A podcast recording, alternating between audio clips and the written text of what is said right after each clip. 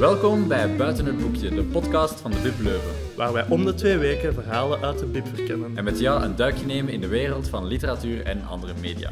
We trappen onze eerste aflevering af met een serieuze klepper. Ja, ze is een echte snuggere madame. In mei 2017 bracht ze haar allereerste boek uit. Haar tweede boek komt er al binnenkort aan en ze is nog maar 21. Please welkom onze allereerste gast, de wijze en alziende Roxanne Wellens.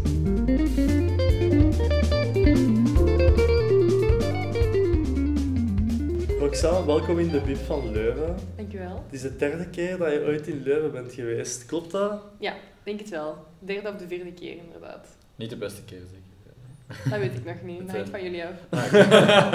Ben je ooit al in de bib geweest? Nee. Of in een bib?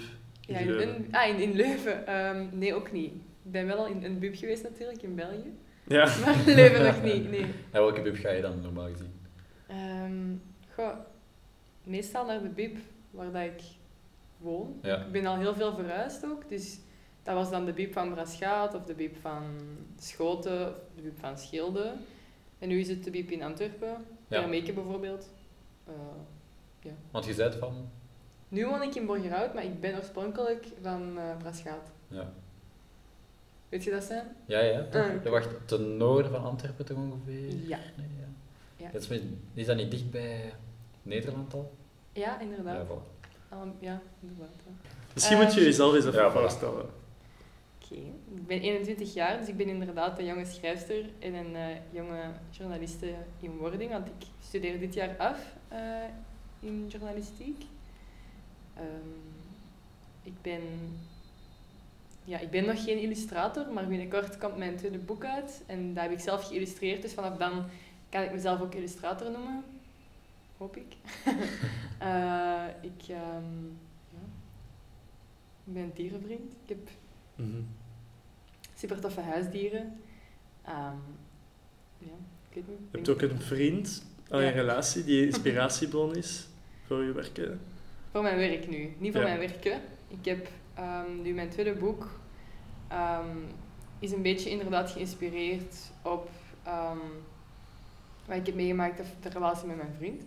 Maar natuurlijk heb ik daar ook wel veel fictieve elementen in gestoken, waardoor dat niet allee, 100% mijn eigen relatie is. Want dat zou ook niet helemaal Ja. Het blijft fictie. zijn ja, Naar, naar hem toe. Oké, maar je bent 21 en al je tweede boek nu. Hoe is dat Mhm. allemaal gekomen? Hoe ben je daaraan begonnen?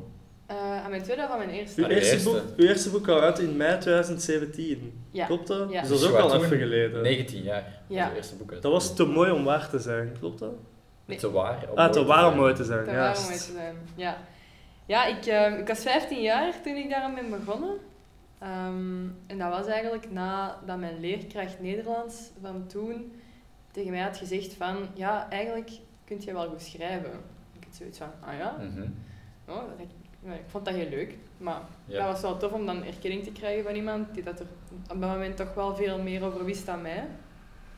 Eh, en dan zei ze van ja, misschien moet je het overwegen om een keer mee te doen aan, aan een wedstrijd of zo. Dan kun je Ja. nog een toffe prijs winnen. Dus ik kwam thuis die dag en ehm, ik zeg mama, kent jij een schrijfwedstrijd? Want ik had om eerlijk te zijn geen zin om dat helemaal te lopen opzoeken, waar dat ik dan aan kon meedoen. Mama die wist dat meestal wel. En zij zei van, ja, ik ken geen wedstrijd, maar ik ken wel twee mensen ehm, die een schrijfweek organiseren. En dat is eigenlijk voor mensen die graag een boek willen schrijven. En ze zei, als je wilt, als je daar interesse in hebt, mocht je daar wel aan meedoen van ons. En toen dacht ik, ja, waarom ook niet? Allee, ik kan ook ineens een boek schrijven. Ja, voilà, ja. En toen ben ik eigenlijk op zoek gegaan naar ideeën, naar wat mij interesseerde. Eh, en dan heb ik mij ook ingeschreven voor die eh, schrijfweek. Mhm. En ehm, dat was wel grappig, omdat ik daar als 15-jarige de jongste deelnemer ooit was. En Ja, dat zal wel. by far inderdaad de jongste die dat daar was. Ik had, denk, de, de, degene die na mij het jongste was, was 30 of zo. Ah ja, wauw. Dus eigenlijk al die Dus- deelnemers waren echt gewoon al... Ja, ja, al- en die hadden ook echt allemaal ja, al heel veel ervaringen. Die waren al, sommigen Ja. waren er voor de derde keer en ik zat daar dan helemaal overweldigd door wat er allemaal op mij afkwam.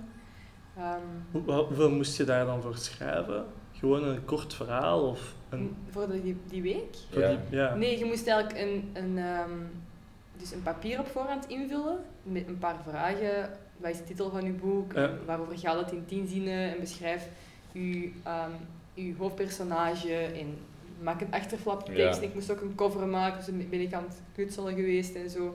En dan, omdat er dus twee coaches daar waren, eh, Geert Kimpe en Christine Pannebakker. Geert Kimpe is zelf bestsellerauteur. Die heeft een eh, boek geschreven dat ehm, in heel veel talen is vertaald en zo. Dus dat was wel leuk om, om dan eigenlijk gecoacht te worden door hun twee. En die hebben dan ermee voor gezorgd dat mijn verhalen meer vorm kregen. Dat dat ook gewoon allee, echt iets werd waar dat ik aan kon ehm, verder werken thuis. Mhm. En dan heb ik dan na die, allee, sorry, na die week heb ik, dat, ehm, heb ik mijn boek geschreven in een aantal maanden. Dan heb ik het gewoon opgestuurd naar zo'n paar uitgeverijen. Eigenlijk mega naïef, want ja, ik heb dat niet eens fatsoenlijk laten nalezen toen. maar toch reactie gekregen eigenlijk. Dus Ja, ik heb er heel veel chance mee gehad. Ja, dat was Lano toen, die ehm, reageerde van ja, we vinden het eigenlijk wel interessant, kom eens een koffie drinken. Dus dan wil ik dat gaan doen.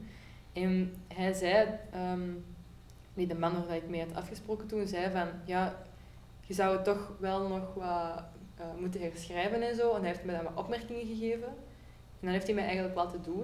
En dan heb ik daar een jaar of zo bijna aan bezig geweest om al die opmerkingen te verwerken. En ik heb dat boek eigenlijk helemaal opnieuw geschreven toen. Omdat ik ook dacht toen ik het aan het lezen was van, Ja. oei, ja, Ja. dit is wel een beetje... eh, Je stijl evolueert ook. ja, natuurlijk. Je, je, omdat, je, omdat ik zo jong was toen ik dat schreef, elk jaar dat erbij komt, is een enorm groot verschil. Omdat je zo Mhm. hard Ja, voilà, evalueert. tuurlijk. En op dat moment dat je dat aan het herschrijven werd, werd je 16, 17 ook. Ja, inderdaad, zoiets. En toen heb ik het, toen het klaar was, ehm, heb ik het nog eens laten nalezen en heb ik het echt wel, allee, heb ik er echt wel wat meer aandacht aan besteed. Heb ik ook een begeleidende brief geschreven, heb ik die laten nalezen door een professioneel bedrijf. Omdat ik het eigenlijk naar een nieuwe uitgeverij wou sturen, omdat ehm, ik het gevoel had dat Melano gewoon niet zo klikte. En dan ben ik terechtgekomen bij Querido, die dat dan ehm, ook eh, opnieuw zeiden van we zijn geïnteresseerd, maar het moet opnieuw, Ja. eh, het moet gewoon herschreven worden. En dan dacht ik, oké, dus dan heb ik dat nog eens gedaan. Dat heeft nog een jaar geduurd, maar dan wel deze keer in, eh, onder begeleiding van die redacteur. En dan ehm, is het uitgekomen inderdaad toen ik 19 was. Dus Dus we zijn al ongeveer, ja, wat is vier jaar daaraan bezig geweest aan dat eigenlijk boek. wel, ja. Ja, het ding is, ik was er klaar mee toen ik 18 was. En dan werd ik 19 in de periode dat het gewoon bij de drukker lag. En dus drie, vier jaar inderdaad, zoiets. En ehm, ja, toen ben ik echt schrijver geworden eigenlijk. Ja. Dat was wel heel En hoe zit dat dan als 19-jarige een boek uitbrengen? Hoe, Maar wilt Ja. je weten? hoe reageerde je omgeving daarop? Hoe heb je dat zelf aangepakt qua... Mm, in het begin, dus mijn omgeving, als ik dat dan in de klas vertelde, van Ja. ik ben een boek aan het schrijven, kreeg je bijna van iedereen de reactie, ja ja. Ja, niemand zou dat toch serieus Nee. nemen? Ja. En ik had zoiets van, wacht maar, jullie zullen wel zien. Want inderdaad, heel veel mensen zeggen dat op die leeftijd, ik ben een boek aan het schrijven. Maar ik wist, ik heb mezelf beloofd op mijn vijftiende, ik ga een boek publiceren. En ik stop ook gewoon niet dat ik dat bereikt heb. Dat is nu nog steeds zo. Ja. Dus ik dacht van ja, zeg maar wat je wilt, ga mijn boek uitgeven. Dus dat was dan op dat moment... Vanwaar die Ja. drang om, om echt te zeggen tegen jezelf, ik wil een boek uit- uitbrengen? Ik weet het niet komt dat? Ik heb sowieso wel altijd gevoeld van, er is iets met dat schrijven. En Aha. ik heb een verhaal te vertellen. En ik zou het gewoon zo jammer vinden dat dat verhaal, dat ik dat niet zou kunnen delen. Omdat ik zo echt het heel leuk vind om dingen te creëren en om die ook in de wereld te zetten. Om mensen dan te helpen daarmee eventueel. Mhm. Of om te inspireren. Mhm. En dan het, het, het feit dat ik dan zoiets had van, oké, en dat moet er komen.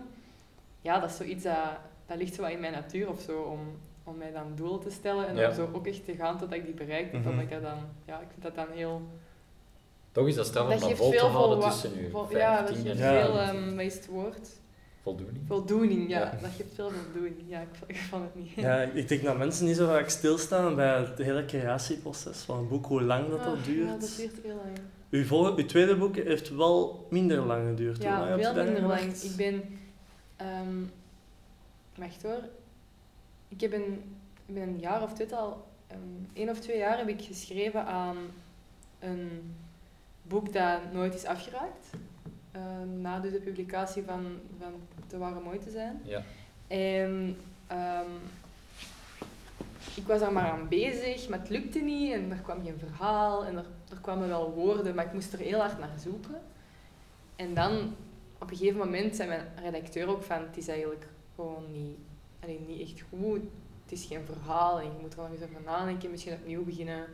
Maar ik had toen al 200 pagina's ongeveer, dus ik had zoiets van, ja, cry. Dus ik heb dat dan ook wel gedaan. Ik heb dat echt aan de kant gelegd en ik dacht van, het is goed, laat het maar. Dan schrijf ik wel een tijdje niks. En dan, op een gegeven moment, ben ik naar een um, craniosacraal therapeut geweest. Dus ik ga daar zo af en toe naartoe, die, die, ja, die behandelt mij dan. En ik voelde op dat moment ineens iets van mij afvallen. Dat was heel raar. En zij zei, uw inspiratie is terug in gang gezet. Ik dacht aan, serieus? Excuseer. En een week later, craniosacraal. En een week later begon ik te schrijven effectief. En is dat boek er in twee maanden uitgerold. Zonder dat ik daarover had nagedacht, zonder dat ik een verhaal had bedacht. Ik schreef gewoon wat dat er echt in mij zat. En op een manier... allee, dus dat zijn heel kort, zijn korte stukjes. Het is een beetje... Um, à la wat poëzie. Mhm. Eh, zonder de moeilijke woorden zie Ja. ik wel altijd erbij, want het is niet het standaard, eh, de standaard poëzie waar dat je aan denkt. En die vorm, ik heb daar ook niet over nagedacht over die vorm. Het was gewoon zo en niet anders. En eh, ja, ik, dat was er ineens. En ik heb Qua dat, productiviteit kan dat wel tellen na vier jaar. Opeens een boek op twee eh, maanden. ja, inderdaad. Dat, dat was, en dan natuurlijk daarna, ik moest dat dan nog eens herlezen. En ik heb dat dan ook van de, de tekstjes van eh, plaats veranderd en nog, allee, nog wat stukjes bijgemaakt. En die illustraties nog gemaakt. Dus ik ben uiteindelijk wel een jaar weer bezig geweest. Mhm. Ehm, maar het boek zelf, dat was er echt heel snel. Mhm. Ja. En wanneer eh, denkt je dat het eh, in de winkels gaat liggen? Of hier bij ons in de bib misschien? In eh, februari. Februari. Dus de deadline, of ja, we hebben afgesproken dat het rond Valentijn uitkomt, Mhm. Ah ja. 2020. Ja. Ehm, het heet de dingen die ik nooit kan zeggen. Alright. Primeur. Yes. Eh, Leuke titel. Is dat, is, dat, is dat de definitieve titel of een werktitel? Ik de vind het echt een goede titel. Oké. Definitieve titel. Leuk. Ja, de dingen, het zijn ook echte dingen die ik nooit kan zeggen. Is het bij dezelfde uitgeverij? Nee, een andere. En dat is ook nog wel een ehm, tof verhaal eigenlijk. Dus ik was... Ik had dat verhaal geschreven, mijn tweede boek. En ik dacht, oké, deze is iets. Ik voelde dat, dat er iets mee was. Mhm. Maar ik wist dat dat heel moeilijk ging worden om dat verkocht te krijgen. Omdat dat net zo ehm, een specifiek genre is. En dat is heel moeilijk voor uitgeverijen, deze tijd zeker, om een risico te nemen met een, een speciaal genre. Zeker met een onbekende, Ja. of een redelijk onbekende auteur. Dus eh, mijn uitgeverij zei ook van ja, ehm, allee, mijn redacteur zei dat dan vooral van ik vind het heel mooi, maar het past gewoon eigenlijk echt niet binnen het fonds. Want Querido is een klassieke ehm, uitgeverij die echt literatuur en, en, en fictieve en romans en zo gaat uitgeven. Dus wat dat ik heb gemaakt past helemaal niet binnen wat dat die normaal gezien doen. Ja. Dus uiteindelijk heeft de uitgever dan beslist van ja, nee, we kunnen het niet doen. Dus ze hebben mij dan wel op weg gezet in een nieuwe uitgeverij zo te vinden. Ah ja, oké. Maar ik- Dat is wel snel gegaan. Of? Ja, het ding is dat ik dus... ehm, ik had in de loop van de jaren... Ik heb in 2017 een schrijfwedstrijd gewonnen. En toen is er een van de sponsors... ehm, dat, was een, eh, dat was uitgeverij van Hallewijk. Die is toen naar mij gekomen. Allee, de, de uitgever dan. Die heeft tegen mij gezegd van... Ja, moest je ooit een nieuwe uitgever zoeken? Ik ben geïnteresseerd. En op de boekenbeurs had ik ehm, hetzelfde voor. Dat ik daar gewoon stond. En dat er ook een uitgever toen ehm, tegen mij heeft gezegd van... ehm, moest je ooit een nieuwe uitgever zoeken, ik ben geïnteresseerd. Dus ik heb die twee kaartjes bijgehouden. En dat zijn uiteindelijk de twee uitgeverijen geweest waar ik tussen de kon kiezen zelfs nog. Die allebei echt geïnteresseerd waren in specifiek dat boek. Ehm, het was voor mij ook niet gemakkelijk, wel niet, om die stap te zetten. Want ik had eerst... ehm, ik speelde met het idee om dat boek, om mijn tweede boek dan te herschrijven en dat in, in romanvorm ehm, ehm, ja, te gieten. Maar dan dacht ik toch van nee, want dat zou niet, niet echt... Dat zou de echtheid Mhm, ervan mhm. af zijn. En dus dan toch weggegaan, allee, voor dat boek toch weggegaan. En dan bij Van Halenwijk nu en eigenlijk een heel leuk contact eh, opgebouwd. En ik vind dat daar super tof. Dus Ja. ik zit daar heel goed. En ik heb nu dan ook van Van Halenwijk de kans gekregen, echt het volledige vertrouwen om ehm, eigen illustraties te gaan maken. Wat ik daarvoor nog niet had gedaan. Dat is ook heel goed gelukt. Dus nu staat mijn eigen illustratie ook op de cover Eh, Spannend. Ja, dat is, dat is ja. heel leuk. Dat is echt zo ook mijn illustratiedebuut, zeg maar. Ja. Dus ik ben wel heel benieuwd naar wat het gaat worden. En wat Ja. zijn eh, de stappen die nog moeten gebeuren tussen nu en februari? Ehm, dus nu ga ik het voor de laatste keer ehm, nalezen met de, ehm, de opmerkingen van de redacteur. Dus ga ik even kijken van, is dat, wat hij zegt, is dat voor mij ook oké en zo. Mm.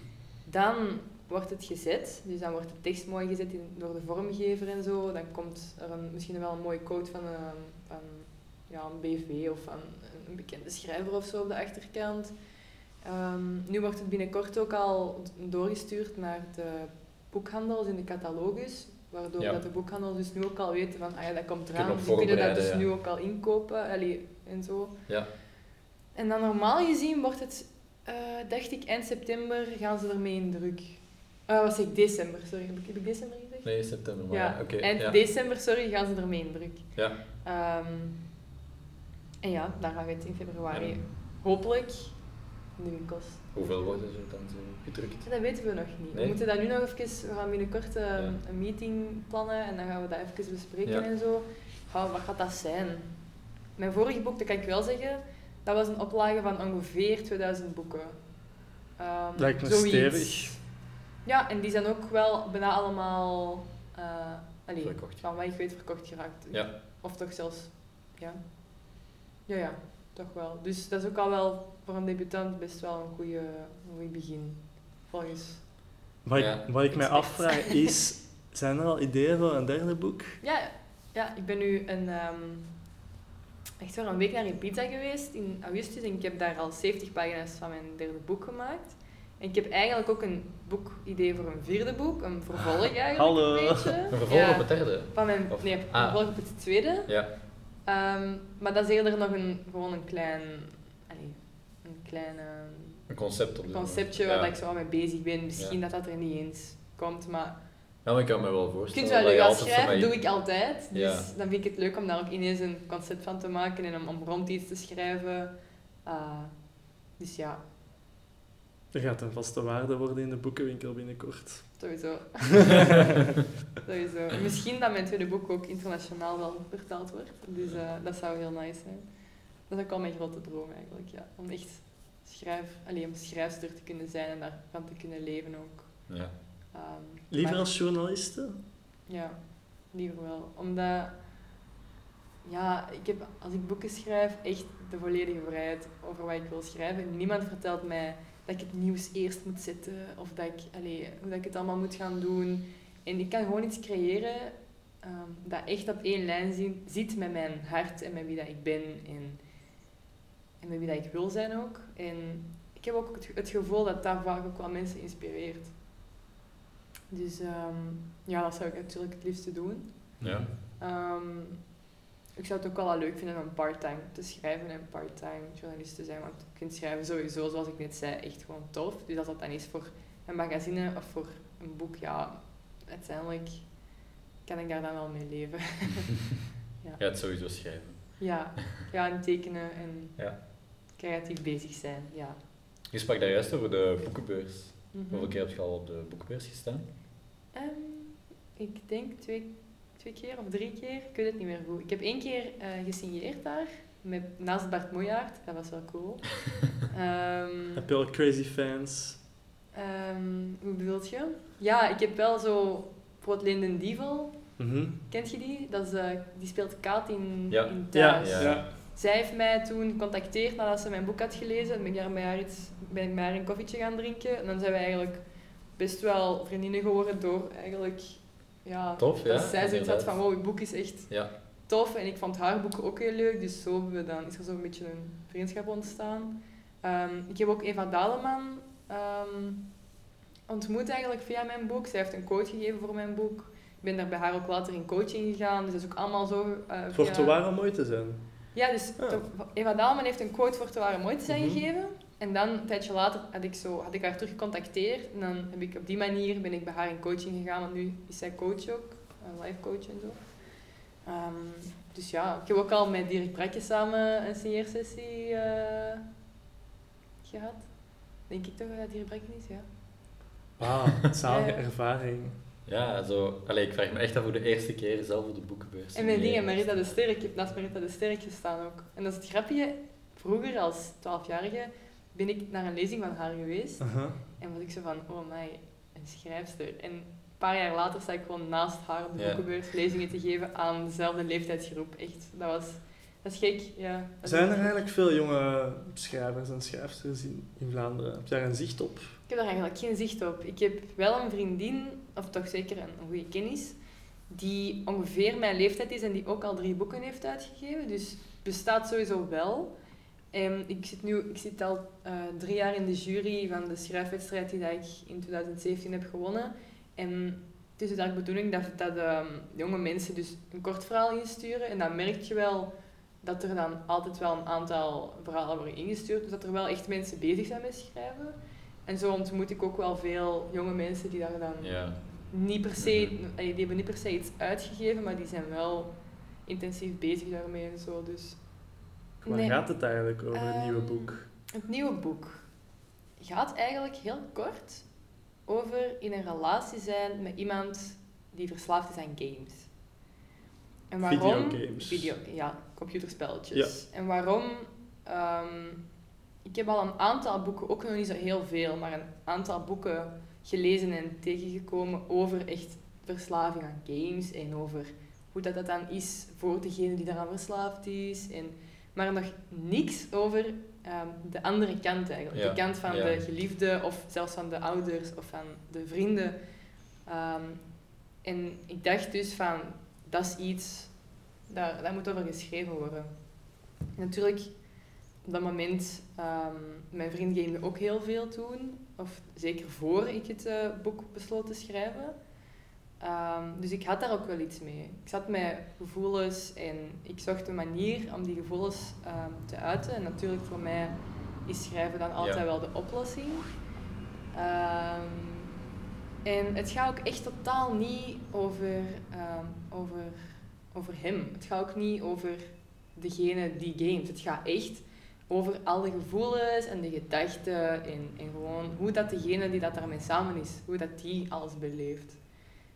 Ehm, en dat was ook wel mooi. Ik was een beetje bang om dat te laten lezen aan eh, mijn vriend. En ik had het dan... Moet hij- confronterend zijn. Ja, hij had het dan gelezen en hij zei... Dat is gek dat ik dacht dat dat over mij ging gaan. Dus daarmee bevestigde hem ook wel nog eens Ja. dat ik het echt Ja. wel goed had gedaan om het echt over mij te laten gaan. Of over, allee, over mij en over alle andere personen die dat, dat meemaken. Ja. Dat ze zich op een manier opzij geschoven voelen door ehm, hun geliefde. Dat hoeft dan nog niet eens te zijn door een verslaving. Dat kan even goed zijn door, ja, door gewoon een, een gebroken hart. Of doordat dat iemand het uitmaakt met u. Dat, het gaat daar echt over eigenlijk in de, in de core. Over eh, liefdesverdriet. En over uw eigen niet goed genoeg voelen voor iemand. Ehm, en daarom denk ik ook dat dat boek, dat is heel universeel. Dus dat gaat ook heel veel mensen aanspreken. Ehm, niet alleen jongeren, niet alleen meisjes, maar evengoed jongens en evengoed oudere mensen, evengoed ook ouders die daar met vragen zitten over hun kind dat game bijvoorbeeld. Dat kom ik ook heel vaak tegen. Ehm, Ja, voilà, dat is wel iets super relevant. het is echt relevant en er is ook zo nog, nog zo weinig rond gedaan. Ik denk nu ook, gamen is eindelijk erkend als officiële... Gameverslaving, sorry, is eindelijk erkend als officiële verslaving door... Ja, een paar maanden geleden inderdaad. Ja, door wie was het? Door zo'n organisation, hè? Volgens mij staat het nu in de officiële handleiding van psychologen. Ja, Als zoiets een is eh, het erkende inderdaad. Ja? Het bestaat Ja. al zo lang, en dat is echt gek dat dat nu... Want ook allee, behandelingen en zo werden tot voor kort, en denk misschien zelfs nu nog altijd niet ehm, gedekt door de verzekering. Ja, Dus dat is, allee, dat is, dat is een beetje ja gek. het is iets relatief niet, wat ik bedoel, de wereld Ja, en ook, het is ook dat, misschien ook net daarom dat dat boek wel zo nuttig kan zijn voor Ja. anderen ook. Mhm. Je zegt, ja, mijn vriend of mijn vriendin, maar meestal mijn vriend, want het zijn toch wel vaker jongens dat dat doen, is verslaafd aan gamen. Mensen nemen dat niet serieus. Die lachen nu bijna uit. Die hebben zoiets van, ah ja, dus hij gamet een beetje of wat? Stel je toch niet aan. En dan zit je daar met al die gevoelens. Mhm. En ja, Eh, Ja, ik heb het gevonden hier. Ah, super. in mei van dit jaar is het opgenomen in het, DSM. Dus ja, de handleiding van eh, psychische stoornissen. Officieel erkend. voilà. Geen verslaving. Ja. Wat vind je van dat hele fenomeen? Veel jongeren spenderen veel tijd in virtuele werelden. Ja. Dat is een beetje ja, de hoogste vorm van escapisme dat er is. Tijd en geld eigenlijk. Hè. Veel games van de dag van vandaag zijn echt gemaakt om Ja, eh, de mensen verslaafd te maken. Heel veel geld inderdaad ook. eh, Ja. Dat is, we zijn ook het eerste land dat eh, de zogenaamde lootboxes... Verbiedt, ja, Ja, inderdaad. Dat Dus zijn, zo, ja. mechanismen die verslaafd maken aan Ja, games inderdaad. Dat zijn dingen die je. Ja, waar je items die de meeste gamers willen in hun game kunt kopen voor een bepaald bedrag, maar je weet Ja. nooit wat erin zit. Dus dat is eigenlijk gokken. Ah, ja, ja, ja. Dus dat Ah, maakt, ja, ja, ja. en gokken maakt Tuurlijk, mensen het- verslaafd. dat maakt het dus, verslavend, ja. ja. En dat is waar inderdaad, België is het eerste land ter wereld dat Ja, eh, ah, dat zo'n games wel verbiedt. Dat wist ik niet. Wat vind je daarvan dat zoveel jonge mensen ja, veel tijd spenderen in virtuele werelden? Hoe voelt, allee, hoe voelt je je daarbij? Goh, om heel eerlijk te zijn, verschiet ik daar niet van. Mhm. Of omdat het is niet. Allee, hoe moet ik dat nu zeggen? Ik denk dat iedereen altijd aan het weglopen is. Ja. En ik denk dat, daar, dat gamen daar een manier voor is. Maar dat dat even goed gewoon gaan feesten, gaan zuipen, eh bollen pakken. ehm, dat dat even goed alle andere dingen zijn die dat jonge mensen, eender wie, vandaag de dag ook gewoon doen en altijd hebben gedaan. Want als je heel eerlijk bent, alcohol is al zo oud. En ehm, ik denk dat dat gamen, dat dat nu een nieuw... En met dus nieuwe technologieën stellen ons in staat om ook nieuwe ehm, ja, dingen zoals games uit te vinden. Ehm, maar het, het, het Volgens u is het gewoon eigenlijk een mechanisme- nieuw medium voor hetzelfde mechanisme. ja, het mechanisme Ja. is niet veranderd. Dat geloof ik ook echt oprecht, dat dat dus niet veranderd is. En dat dat gewoon weer... Ja, sommige jongens, en, dus, en dat zijn dan vooral jongens die gamen, vinden dat interessant, vinden dat tof. Ehm, dus die, die, die, die grijpen gemakkelijker daarnaar dan iemand die, allee, dan iemand die gemakkelijker naar de fles bijvoorbeeld eh, grijpt. Ehm, ik denk ook dat dat... ehm, ja, even aan het denken. Hoe komt het dat gamen een mannenclub is, volgens u? Dat is ook een Ja, gesprek dat, ik vaak al heb gehad op café. goeie- goeie vraag. Er zijn wel steeds Komt meer eh, meiden die gamen tegenwoordig. Ja? Maar nog steeds... Ah, Ik denk dat heel veel games, Ja. eh, toch die games waar eigenlijk, veel eigenlijk verslaafd misschien moet ik dat aan jullie vragen. Vind, vinden jullie dat interessant, eh, games? En waarom dan? Want ik bijvoorbeeld, ik, ik, ik vind er niks interessants aan. Maar ik zou mij dan rapper kunnen verliezen in een liefde. Daar zou ik verslaafd aan geraken. Aan Mhm. liefde. Of aan, ja, weet ik veel. ah, nee, aan wat je, mijn gamen niet. Dat, dat spreekt mij gewoon echt niet aan. Ik weet niet hoe dat komt. Is dat omdat ik een vrouw ben?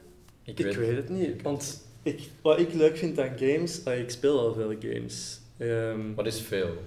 Veel. Pff, Bijna elke dag. Niet zoveel als vroeger natuurlijk. Vroeger was dat meerdere uren per dag. Maar nu, een paar uur per Mhm. En wat week. vind je daar dan zo leuk aan? Ik denk de complexiteit. Ik speel graag games, maar ook ik speel graag games waar dat je eigenlijk een eigen personage creëert. Role, zogezegde roleplaying Ja, ja. games. En ja, dan online interactie hebben met anderen en eigenlijk het je een tweede leven. Ja. En dat leven, dat maakt niet echt uit. Je kunt daar eigenlijk in ontsnappen van je echte leven. Dus het is Mhm. het escapisme, maar ook de complexiteit, want de hele wereld heeft zijn eigen regels eigenlijk. Zijn eigen geschiedenis Ja. Enzovoort. En in die zin is Ja. het natuurlijk wel verleidelijk. om- En in die zin snap ik ook niet waarom dat het niet aantrekkelijk zou zijn voor vrouwen. Want ik stel mij natuurlijk ook graag voor dat vrouwen ja, Maar er zijn er wel. escapisme en complexiteit willen. Ja, er zijn er wel. Ik denk dat dat eigenlijk Of social komt media, om, eh, hoort vaak hè, Ja. dat vrouwen Ja. makkelijker verslaafd tussen aanhalingstekens geraken aan social media. Mhm. Ehm, Maar wel, ik denk dat dat is omdat die verschillende media inspelen. dat is op ook een andere verschillende- wereld eigenlijk. Hè. Wat je doet op social media, allee, niet iedereen Ja, natuurlijk, maar ja. pak, nu, ehm, pak nu een Kylie Jenner, die zit vol, allee, van wat ik weet toch, vol botox en fillers en, en, en implantaten. En die maakt foto's van haar ja, perfecte lichaam, van haar perfecte gezicht, van haar perfecte make-up. Ja. Dus meisjes die, dat daar, ja, die dat op een manier onzeker zijn, willen ook zo zijn. Dus de mogelijkheid bestaat plots om, ook om, heel, om iemand heel anders te zijn dan dat je eigenlijk bent. ja, dat is eigenlijk een beetje Dus je gaat dan je tanden bleachen, of je gaat dan eh, een borstvergroting doen, of je gaat dan Ehm, met van die heel stomme appjes, je foto's zo hard aanpassen dat je ineens een kei smalle taille en kei brede heupen hebt. Waarom? Je bent ineens iemand anders. Ja, voilà. Waardoor je je goed kunt voelen over je eigen. Al is het maar de illusie dat je je goed kunt voelen. En dat is hetzelfde in games. Je kunt ineens iemand worden die dat je niet zei. En je voelt je misschien kunnen slecht over jezelf, maar in die game wint je wel. En in die game kun je iets. En in die game vinden mensen je tof. En in die game mislukt je niet. Mhm. En dat is verslavend, niet die game. Het feit, Nee, inderdaad. wat dat, je, dat gevoel dat je daarvan, of Ja. dat je daaruit denkt te halen, is verslavend. Mhm. Totaal, en ja, die game zelf, voor mij is die game niet verslavend. Ik kan dat, volgens mij, elke dag een uur gaan spelen. Ik denk dat ik daar, dat ik daar na een maand nog altijd hetzelfde gevoel bij zou hebben. Dus... voor mij denk zijn weer dat- andere dingen Ja, denk je dat we dat zo hormonaal kunnen Dat reduceren tot we zijn verslaafd aan dopamine boosts? Zoiets dus eerder. Mm, En dat nee, iedereen nee. vindt zijn dopamine, Nee. dopamine boost ergens Dat, zou ik, anders. dat weet ik niet. Dat, ik ben ook geen bioloog of zo, dus ik, Mhm. ik, ik zou dat niet Ik ook zeggen. niet. Maar wat ik,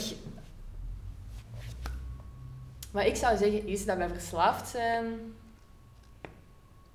aan het eigenlijk. Dus we vinden ons eigen allemaal deep down. Stuk voor stuk vinden we ons eigen niet goed genoeg, mislukt, waardeloos, stom, dom, slecht, noem maar op. We zijn verslaafd aan dat gevoel proberen ontkennen. We zijn verslaafd aan goedkeuring. En we Mhm. zijn doodsbang voor afwijzing. Mhm. Dat is wat ik denk. En ik denk dat dat de reden is waarom alcohol, games, drugs, gokken nog altijd zo succesvol is. En niet alleen dat. Iedereen vlucht daarvan op, op zijn eigen manier. En dan hoeft dat niet eens in een verslaving te zijn. Dat kan ook gewoon zijn door ja, een relatie aan te gaan. Of Ja. weet ik veel. Mhm. De vraag is dan, ja, moeten mensen daartegen misschien een beetje beschermd worden in zekere mate? Want je hebt mensen die daar wel veel minder gevoelig voor zijn dan anderen. Er zijn mensen die Dat zich dat echt oprecht Ja, minder kunnen boek heeft daar een aantrekken. dan erfelijke factor natuurlijk, Ja. dat je, hoe verslavingsgevoelig dat je bent. Maar dat mensen daar beschermd voor moeten worden, ik Goh, er zijn toch wel middelen dat die echt dat, te ver dat, dat symptomatisch is. Ja. Wat Ik denk dat we de oorzaken zouden moeten behandelen in plaats Ja, van de symptomen. Ik vraag mij af, inderdaad, is dit een probleem dat ooit kan opgelost worden? Of is dit echt de menselijke natuur? Het is een, Zeg het is een menselijke natuur. Mhm. En de enige manier waarop je dat kunt oplossen is door je eigen. Is door gewoon te zien wat dat er is en de waarheid ook gewoon te zien. Namelijk dat je niet ehm, slecht of waardeloos of dom bent. Maar dat is zo moeilijk en dan stort heel de samenleving in elkaar zoals we hem kennen. Mhm. Alles is gebaseerd daarop, hè? op het ontkennen van het geloof dat wij over ons eigen hebben. Alles. Kijk naar, kijk naar een super simpele reclame van eh, Nivea over een of andere deo die dat je zo gezegd zou moeten kopen. Waarom? Dan stinkt je niet, dan word je niet afgewezen. Daar komt het eigenlijk op neer. Mhm. En dan zijn we ook terug bij uw boek eigenlijk. Voilà, en ook bij mijn eerste boek, want gaat, mijn eerste boek gaat over zelfmoord. En dat Mhm. gaat over, ehm, over iemand die, het gewoon, die dat allemaal ziet en die zoiets heeft van, ik, ik kan het niet, ik, ik weet niet hoe dat ik, ze vindt geen uitweg, dus ze pleegt zelfmoord. En haar broer ehm, is helemaal perplex en hij besluit dan om, die, om, om, om allee, te gaan zoeken naar wat zij ehm, niet kon vinden, een uitweg. Ja. Ehm, en ik denk ook echt dat, dat mensen zelfmoord plegen vanuit dat gevoel en dat rots, rotsvaste geloof over hun eigen. Dat ze eh, dus bijvoorbeeld niet goed genoeg zijn. Bij mij is dat het. Ik ben niet goed genoeg en ik ben waardeloos. Dat, dat zijn bij mij de, de gevoelens of de overtuigingen eerder, want dat is meer dan een gevoel. En dat is ook echt, dat bepaalt heel mijn leven. Mhm. Totdat je daar bewust van bent. En totdat je elke keer, elke gedachte dat je hebt, dat je gaat herkennen. Oké, dit denk ik nu, of dit doe ik nu, dit wil ik nu, dit wil ik nu niet. Omdat ik mijn eigen eigenlijk gewoon niet goed genoeg voel. En als je dat herkent, dan verandert alles. Mhm. Je hebt dat eigenlijk een beetje omgezet naar een mentale strategie Ja, dat je toe- toepast in het dagelijks leven. eigenlijk wel. Ja. Klinkt goed. Ik hoop dat je boek ook dat een beetje losmaakt bij mensen. Ja, ik Klinkt hoop gezond. Ja, ik hoop het ook wel, want dat heb ik nu ook bijvoorbeeld in een van de stukjes. ehm, is er een lijstje ehm, waarop staat, dus ik heb het niet helemaal exact natuurlijk in mijn hoofd, maar ehm, ik zeg nu maar iets. Hij moet mij aandacht geven, hij moet van mij houden, hij moet mij troosten, hij moet zien dat ik waard ben. En dan heb ik al die stukjes doorstreept en dan daaronder geschreven, ik moet van mij houden, ik moet mij aandacht geven, ik moet mij troosten. Omdat dat de waarheid is. Mhm. Dat je van iemand anders verlangen, ten eerste, dat is uw zaak niet. Want iedereen doet wat dat hij of zij wil doen of denkt dat goed is. Mhm. Dus het is gewoon mega stresserend en ongezond voor jezelf om constant in oorlog te zijn met de realiteit. Ja. En dus bijvoorbeeld, ehm, hij, hij moet mij troosten. De realiteit is dat hij mij niet troost. En dat geeft mij nog meer verdriet eigenlijk. Ik kan Mhm. mijn eigen ook gewoon troosten. Want Mhm. ik ben degene die mij nooit gaat verlaten. Ik ben degene die er altijd is. Ik ben eigenlijk de liefde van mijn leven, niemand anders. ja. Je zou eigenlijk de verantwoordelijkheid bij jezelf leggen. Ja, Is dat dan niet een beetje sober als je nooit eigenlijk op iemand anders kunt rekenen, zeg maar? Het Maakt is dat nu niet- een beetje Het cynisch? is niet dat je op niemand gaat rekenen. Mhm. Want eigenlijk, het mooie is dat op het moment dat jij de verantwoordelijkheid neemt voor jezelf, willen mensen ook ineens bij je zijn en willen die je ook troosten. En ben je heel aantrekkelijk, omdat je gewoon je shit ownt. En je hebt niemand anders meer nodig om gelukkig te zijn. Mhm. Een goede vriendin van mij zegt het zo. Je kunt op je eigen gelukkig zijn, dus je hebt niemand anders meer nodig. Mhm. Maar iemand anders kan u wel gelukkiger maken. Een toevoeging zijn aan het geluk dat je op jezelf Ja, zo zie ik het eigenlijk ook wel hoor. Je mag niet 100% van je geluk eh, doen. Allee, eh, hangen aan iemand anders. Nee, ik heb dat ook zo lang gedaan en het levert u, nee, ik spreek uit ervaring, geen geluk op. Echt niet. Want hoe kan dat ook ooit? Hoe kan iemand u ooit het geluk geven dat jij zoekt? Dat kan niet. Het moet gewoon complementair zijn, maar het mag niet alles zijn. Die psychologische insteek, gebruikt jij ook in je journalistiek werk? Ja, dat probeer ik wel. Ik ehm, wil ook echt in mijn journalistiek werk dingen vertellen en over dingen schrijven die dat ik belangrijk vind. Waar dat ik vind dat daar een meerwaarde aan vasthangt. Dus ehm, ik probeer ook echt wel zo op een manier, want ja, een psychologische insteek in elk artikel is soms wel moeilijk. Maar Ja. ik probeer toch wel te zoeken naar onderwerpen of naar mensen of naar ehm, kleine ehm, zinnetjes die, die dat ik er dan zelf in steek om zo toch mensen een beetje in de richting te duwen. Of ja, het verhaal te zien dat ik wil vertellen eigenlijk. voilà. Maar. De Bijvoorbeeld als je aan mij zou vragen om op een nieuwsredactie te gaan werken en elke dag te berichten over wat er gebeurd is in eh, Brussel, ik zeg niet maar iets, ik zou dat niet leuk vinden. Het zou, het zou alle passie uit mij slagen gewoon. Ik zou het echt niet leuk vinden. Maar vraagt mij om in Brussel op zoek te gaan naar, naar mensen met een goed verhaal, dat zou ik al anders bekijken. Ik zou daar ook iets van mezelf in kwijt kunnen. Ja, voilà. Klinkt toch al meer dan een- als een auteur dan een journalist. Ja, denk ik ook. Dus ik ben leuk. inderdaad in mijn hart wel echt een auteur. Ja. Ik probeer dat auteurschap ook in mijn journalistiek te steken. Mhm. En dat zorgt soms ook wel voor een beetje moeilijkheden. Omdat ik dan zoiets heb van... Ja, dit is niet uitdagend genoeg voor mij. Zo'n simpele journalistieke opdracht. Dat ik denk, ja, pff, wat ga ik hier mijn tijd nu in steken? Maar we weten wel, een goede journalist is ook een goede verhaalverteller. Mhm. Dus daar heb je toch wel een streepje voor, denk ik. Voilà. Wat is het leukste, allee, je favoriete stuk dat je al hebt geschreven als journalist? Hm. Goh, Een stuk waar ik heel trots op ben, ik zal het zo zeggen, ehm, is een artikel, een interview dat ik vorig jaar heb gedaan met een eh, Antwerpse styliste, Farah El Bastiani heet die. Mhm. En ehm, ik heb daar heel lang aan gewerkt. Dat was ook een heel fijn gesprek met die vrouw. Eh, dat ook een heel inspirerend persoon gewoon. En ook gewoon door, omdat zij is heel tijd aan het woord geweest, maar toch heb ik daar iets van mezelf in kunnen steken. Omdat ik natuurlijk de vragen kon kiezen. Ik kon een beetje sturen naar waar het gesprek ging. Mhm. Ik kon kiezen wat ik in mijn interview stak en wat niet. Ja. Dus daar ben ik wel trots op, omdat dat ook gewoon het beste is nagelezen. Dat heeft ook in een magazine gestaan dat we dat met school hebben gemaakt. En, en dus dat vind ik wel een tof, een tof stukje dat ik, ehm, dat ik heb geschreven. Ja, ik had nog een vraag over uw auteurschap. Hoe is dat om...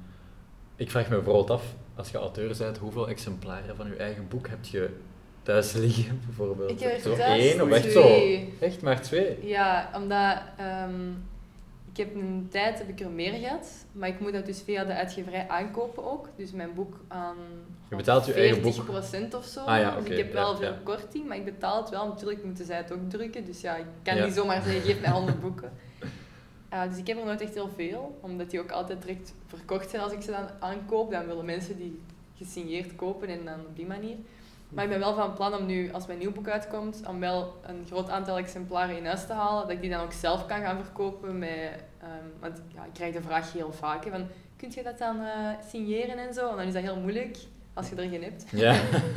Dus ehm, ja, maar sowieso heb ik er Ja. eentje standaard in de kast. Het eerste boek dat ik ooit, ja, moet toch wel. het eerste, ja, het eerste exemplaar dat ik ooit Ja, in handen kreeg, echt heb ik zo'n in mijn af-exemplaar. Ja. Zoals het in de winkel ligt. Ja, Ja. dat heb En ik. naast eh, welk boek staat die in het rek? Oh, dat weet ik niet. Dat is- ja, ik heb zo'n aantal boeken. ehm, ik woon nu alleen op een appartement met mijn vriend. Dus de grootste, mijn grootste ehm, verzameling boeken ligt nog bij mijn eh, ouders thuis. Dus ik heb zo de boeken dat ik het leukste vind meegenomen. Dus daar staat het tussen. Waar, dat weet ik echt niet van buiten. Daar ben ik niet echt mee bezig. En eigenlijk, bijvoorbeeld, uw, uw eerste boek is al twee jaar oud. Herlees Ja. je dat soms nog zelf? Ja, onlangs, dat was wel grappig, ik zat in de zetel en ik dacht, hoe eindigt mijn boek ook alweer? Dus ik ben dat toen gaan halen en dan heb ik het Echt? einde nog eens gelezen en dan dacht ik, ah ja, ah, dat is wel goed bedacht. Allee, dat ik dan soms echt zoiets heb van, bad. that's not bad. Ja, gewoon, soms denk ik ook echt van, oh my god, wat heb ik nu weer gedaan? Dus dan, het is wat dubbel. Maar in elk geval voelt het, als ik het nieuw lees, dat ik het niet heb geschreven. Dan heb ik echt zoiets van, hoe is dat hier gekomen? Hoe heb ik dat ooit Dat kunnen mooi, maken? Dat is gek, ja, dat is echt gek. Hoeveel bladzijden is het ongeveer het eerste? Eh, het is nu 160 pagina's ongeveer. En ehm, het was ooit 300 of 400. dus Ik heb wel heel veel geschrapt. Ja. Dan had ik vroeger zo de neiging om, om de, de kracht van één woord te gaan verdelen over tien woorden. Ja. En nu ben ik daar wel helemaal in veranderd. Nu probeer ik zo kort en bondig mogelijk te schrijven. En dat is ook echt wel mijn stijl aan het worden. Lees je zelf ook veel eigenlijk? Ja, heel de tijd. Ik lees heel veel. Is het waar dat je, om beter te kunnen schrijven, veel moet, kunnen le allee, veel moet lezen? Dat is wat ik altijd hoor. Mhm. Ik merk ook zelf Je wel hoort dat veel, hè? ah, dat ik beter kan schrijven als Dat ik ook veel zo. gelezen heb. Geeft waarschijnlijk toch veel inspiratie. Sowieso geeft het Ja. veel inspiratie, dat is punt 1. En uw Niet alleen onderwerp, maar ja, voilà. Literaire inspiratie bedoel ik gewoon alleen zo, ja. Maar Manier maar van ik lees ook veel non-fictie en Ja. dat geeft mij ook heel veel inspiratie. Maar inderdaad ook schrijfstijlen. Mhm. Ja. Ik merk dat ook, en daar moet ik wel mee oppassen, dat als ik aan het lezen ben terwijl ik aan het schrijven ben, dus niet te samen, maar in Ja, dezelfde ja, periode ja. wil ik zeggen, Ja, ja, dan ja. verandert mijn schrijfstijl heel de tijd. Mhm. Dus dan begin ik te schrijven zoals de schrijver Ja. eh, van het boek dat ik aan het lezen ben. Dus omdat ik zo beïnvloed ben eigenlijk, dat ik denk, oh dat is zo mooi. En dat ik daar dan... Ja, of net niet, dat ik dan een boek lees en dat ik denk, oef, Dat ga ik zo niet doen. lange zinnen, dan zijn Ja. mijn zinnen ineens super Ja. kort. Ja, ja, ik snap Of soms zo het. één woordje maar als zin. Ja. Zijn er eh, auteurs die echt inspiraties geweest zijn voor uw schrijfstijl?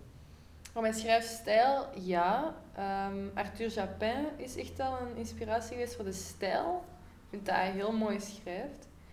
Eh, toen in de tijd Geert Kimpe, de persoon waar dat ik dan de Mhm. schrijfwedstrijd, eh, de schrijfweek, sorry, Uw coach. mee heb gevolgd. Ehm, Die- ja, toen ja. die coach inderdaad ook wel. Die schrijft ook heel mooi.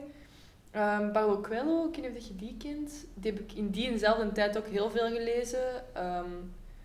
Dat heeft me ook echt wel geïnspireerd. Ik ben eens aan het denken nog.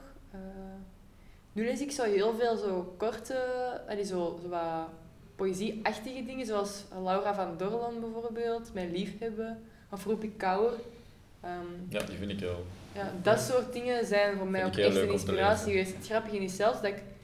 ehm, ik had een boek van Roepie Kouwer besteld. En één van die gedichten, zo in het begin nog maar van het boek, heeft bij mij alles in gang gezet. Dat, klikte precies. Zo een beetje hetzelfde moment als toen je had bij de... Wat was de naam van de therapeut? Ja, ja, de craniosacraal therapeut. Ja, dus ik, dat, ik Kunt je dat nog eens herhalen? craniosacrale therapeut. Ja, wat is dat Craniosacraal. Ja, wat is dat? Ehm, Woordje van, van de dag. Ja, toch wel. Je moet Nog me niet de gehoord. exacte definitie gaan vragen, want dat weet ik niet. Ik ga dat Maar wat ik weet is dat die dus, ik ga daar naartoe en die is van opleiding kinesiste. Maar die heeft dus, dat is eigenlijk, sommige mensen, mijn mama doet dat ook, die kunnen ehm, met hun handen, eh, die voelen van alles, die kunnen ook echt mensen healen gewoon. Ja. En um, dus craniosacraal therapie, nu ik ga- ik zoek het maar op, dat is Mhm. ook wel handig voor mij om dan even een houvast te hebben. Die gaat dus eigenlijk gewoon echt voelen van oké, waar zit er hier ergens een blokkade? En die gaat dan haar handen ehm, gebruiken en ook gewoon massagetechnieken gebruiken om op dat moment die blokkade op te lossen. Ja.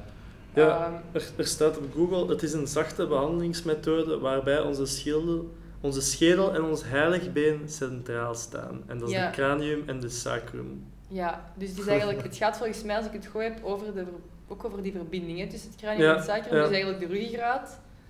Eh, dus dat, nou, dan behandelt hij mij op mijn rug, maar één gewoon mijn voeten. En ehm, in de Oosterse geneeskunde ehm, gaan ze ervan uit dat het lichaam, ehm, dat er meridianen zijn. Mhm. En elk meridiaan heeft een verbinding met een orgaan. En een orgaan, wat dat eigenlijk is, dat is energie. Die dat op een, allee, alles is energie die dat op een bepaalde frequentie trilt. En hoe harder of hoe zachter die trilt, bepaalt hoe vast of hoe los Dat die energie en of wij die kunnen waarnemen of niet. Dus stel nu, uw lever is aan het trillen, om het nu heel plastisch te zeggen, en die zendt een soort trilling uit, wat dat dan een meridiaan is. Maar soms, zeker in onze overprikkelde maatschappij, geraken die meridianen overprikkeld of uit balans, of dan werken die niet meer goed. En dan natuurlijk, op het moment dat je lever niet meer werkt, werkt u, of de energie van uw lever niet meer werkt, zal ik het zo zeggen, werkt de energie van uw galblaas, of die van uw milt, of die van uw darmen niet meer. En dan raakt uw lichaam uit balans. Mhm. En dan komen er blokkades. En dat is de reden dat ik dus geregeld naar een acupuncturist ga, die dat dus naaldjes steekt in punten in die meridianen om die terug te doen stromen. En naar een craniosacraal therapeut, die dat dus naast de craniosacrale dingen ook nog gewoon ehm, ja, behandelingen op die meridianen ook gaat geven. Acupressuur heet dat Mhm, dan, zonder ja. de naalden. Ja. Ik geloof ook, allee, ik vind dat de gene- Chinese geneeskunde, dat is ook niet iets om in te geloven, omdat dat ook gewoon zo is, denk ik. Snap je? Het is, het zou, als ik zou zeggen dat ik erin geloof, zou ik zeggen dat het iets is waar dat Ja, je ja. oftewel in moet geloven of niet, maar het niet allemaal zeker is dat dat Er is wel veel is. discussie over. Er is wel discussie werkt over, maar niet. het is zo oud. Ja, vooral acupunctuur. Wordt ook Mhm. in Europa gedaan trouwens. Mhm. Lang geleden. Ik weet het, die Iceman. Ja, Ja, ik heb dat eens gezien op tv. ja, ja. Klopt dus, hè? Ja, de- Ja. Hoe, heette hem nu weer? Er was, dus er is een, een, een, ehm, ja, een overblijfsel eigenlijk gevonden in, in ijs, in ijskappen, Ah, ja, ja. van een man ja. die dat dus eh tattoos had ehm, op acupunctuur of acupressuurplekken die dat goed zijn voor eh, reuma. En er is ook effectief gevonden dat die man last had van reuma en artritis en zo. Mhm. En dus hij droeg die tatoeages waarschijnlijk, of allee, daar gaan ze dan een beetje van uit, ehm, op plekken zodat andere ehm acupuncturisten zouden weten van, ah oké, Mhm. Trouwens, ik weet nog iets over Oxan Victor dat jij niet weet. Dat is, ook, dat is heel, ik vond dat heel cool. Ik ben heel hard verschoten. Op een ochtend ging ik naar het station om de trein te nemen naar Mechelen. En door wie word ik begroet overal in de gang? Door Oxan haar gezicht op een Oxfam poster. Ja. Echt? Daar moet je toch wel vertellen. Dus je bent niet alleen schrijfster, journaliste en illustrator, je bent ook een model. Hoe Ja. is dat gebeurd? Wel, dat is ook nog een goede vraag. Ehm, dus op een gegeven moment, vorig jaar, had ik geld nodig. En Welkom to my life. hoe ga ik geld verdienen? En dus je moet weten, ik heb een ongelooflijk vol leven. Ik zeg niet dat ik het Mhm. altijd druk Side project. maar ik heb echt... Ik moet... allee, student, Mhm. auteur, ik heb dan ook nog eens een eigen huishouden, Ja. ik heb een studentenjob, Mhm. maar ik had niet genoeg geld. En ik kon niet ineens een extra dag gaan werken, want dan had ik gewoon helemaal geen tijd meer voor mezelf en ik heb dat ook echt nodig. Dus ik dacht, wat kan ik doen om gewoon easy money eh, te verdienen, Ja. wat ook nog eens tof is om te doen. Dus ik dacht, lekker arrogant, wat, misschien kan ik wel model worden. En ehm, ik ben toen, ehm, heb ik contact opgenomen met een commercieel modellenbureau, want ik ben dus geen fashion model, dus ik doe geen catwalks of ik doe geen eh, fotoshoots voor L of voor een of ander Mhm, mhm. fashion magazine, maar ik doe echt zo voor commerciële, allee, voor, ik doe gewoon reclame. Ja. En ehm, eh, op een gegeven moment, dus ik ging dan, ik nam contact op met dat bureau en die, ik mocht op gesprek komen en dan hebben die mij gewoon opgenomen in een bestand. En dan een maand of twee maanden later had ik mijn eerste shoot en dat was dan voor Oxfam. En ik was dan wel blij, want je kunt natuurlijk kiezen of dat je dat aanneemt of niet. Ik zou een shoot voor eh voor iets waar ik niet achter sta, niet aannemen. Ook niet. Mhm. Hmm. Ehm, omdat ik ook niet wil dat mijn gezicht wordt gebruikt voor een... Ook niet als het heel veel geld zou opleveren. Jij zou dat wel doen, hè? Ik zou, ik zou dat hangt er nadenken. voor wat het dan is.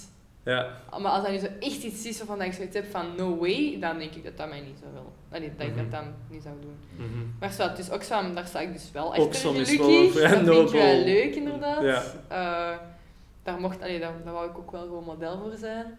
En ehm, ja, dan heb ik, eh, ben ik die shoot gaan doen. En dan een tijdje later kwam ik op het station van Mechelen, net zoals Mhm. jij. En dan zei een vriendin van mij, hé, hey, dat meisje daar lijkt op u. En die wees naar eh, die foto, die poster. En ik keek daarnaar en ik zeg, ah, dat ben ik. Je wist dat niet op voorhand, dat je dat... Nee, ik, ik wist dat eigenlijk niet. Ehm, ik, ik had dat niet... Ik had dat niet Het heeft een dikke twee weken in alle stations van eh, Vlaanderen gehangen, denk ik. Ja, het hangt er nog steeds, hè. In, Ja. in, in, in Berchem, in Mechelen, in Brussel, in Leuven, in de metro heb ik gestaan. Ik, ik hang in alle Oxfam winkels. Ook nog eens. Ehm, en dan heb ik nu over het laatst eh, nog een shoot gedaan in Frankrijk. Dat was een nachtshoot, dat was wel speciaal. Ook voor Oxfam of voor je? Nee, voor Boulanger. Dat is zo een, een ehm, Boulanger. Franse mediamarkt eigenlijk. Ah ja, oké. Dat was ook wel heel grappig. Ja. Ik was zo met nip sneeuw en daar waren ze, daar, ze waren kerstmuziek aan het draaien. En, allee, dat, was wel, Wow, ja. dat was echt tof. Ehm, dus ja, zo komt het ook nog eens ergens. Hè. Ja. Dus, ehm, maar allee, echt, dat is, mijn, dat is niet mijn doel om daar een carrière uit te slagen. hè. Dat is gewoon Nee, nee, leuke bijverdiensten. En ja, Mooi. ja. Kunt je mij straks dat nummer van dat bureau een keer ja, dat zal ik doen. Ook Het leuke is ook dat je ook echt, want ik ben, ik ben een aantal keer vroeger, toen ik jonger was, uitgenodigd geweest of met, met foto's gestuurd naar bureaus die dat dus wel fashion doen. En die zeiden allemaal van, ja, maar eigenlijk ben je te dik en je moet eigenlijk... allee, je- Serieus. ja, je moet afvallen en we willen nu eigenlijk wel, maar nu nog niet. En ik had ook altijd zoiets van, ja, no way dat ik voor jullie ga afvallen. Want allee, ik, zo graag wil ik ook weer niet op een catwalk lopen. Mhm. Dus het leuke was dan, omdat bij mijn dat commercieel modellenwerk dan, ze zeggen niet je moet afvallen. Ze vinden dat allemaal prima hoe dat je eruit ziet, zolang je een leuk gezicht hebt en een eh, toffe uitdrukking. Mhm. En ik heb nu de chance dat ik, dat ik verschillende gezichtsuitdrukkingen goed kan doen. En dat is de reden dat ik geboekt word. Niet omdat ik, zo, omdat ik een maatje zoveel heb. Of omdat ik, eh, en dat vind ik ook belangrijk om, om daarin ook echt te kunnen zijn. Gewoon. Daar wordt ook niet veel aan gefotoshopt. Ik moet mijn haar daar ook... allee, ze, ze, gaan, ze gaan me daar niet keihard voor schminken. Dat is gewoon heel natuurlijk. eh, Op een, Zoals ik het graag heb. manier. Ja. ja, inderdaad. Ja. Merci om langs te komen en met ons over te praten in ieder geval. Geen En probleem, vond ik- het leuk. We kijken er naar uit dat je boek, hè. We Ja, kijken er uit dat je boek in de bib ligt binnenkort. We gaan daarvoor zorgen trouwens. Ja. Oké, super. Wij gaan zo wel lobbyen bij de mensen van de Ja. papier. Je kunt mij ook altijd volgen op Instagram, gewoon mijn naam, Roxanne Wellens. En dan krijg je alle ehm, ja, Updates. updates Ja, van mijn boek voilà. en van mijn leven. Voilà, direct ook in de spotlight hier in de buurt van Leuven. Yes. Alright. De eerste keer. Ik heb echt genoten van Roxanne haar verhaal. Ja, het is inderdaad echt een ambitieuze madame. Hè. We wensen haar dan ook super veel succes met de launch van haar nieuwe boek. En ondertussen zijn we al halfweg onze eerste podcast, Victor. Gaat snel, hè? In dit volgende deel van Buiten het Boekje gaan we telkens op zoek naar een willekeurige bibbezoeker met een interessant verhaal. Dat kan trouwens echt om het even wie zijn. Het is dus telkens een verrassing, ook voor ons. Spannend, hè?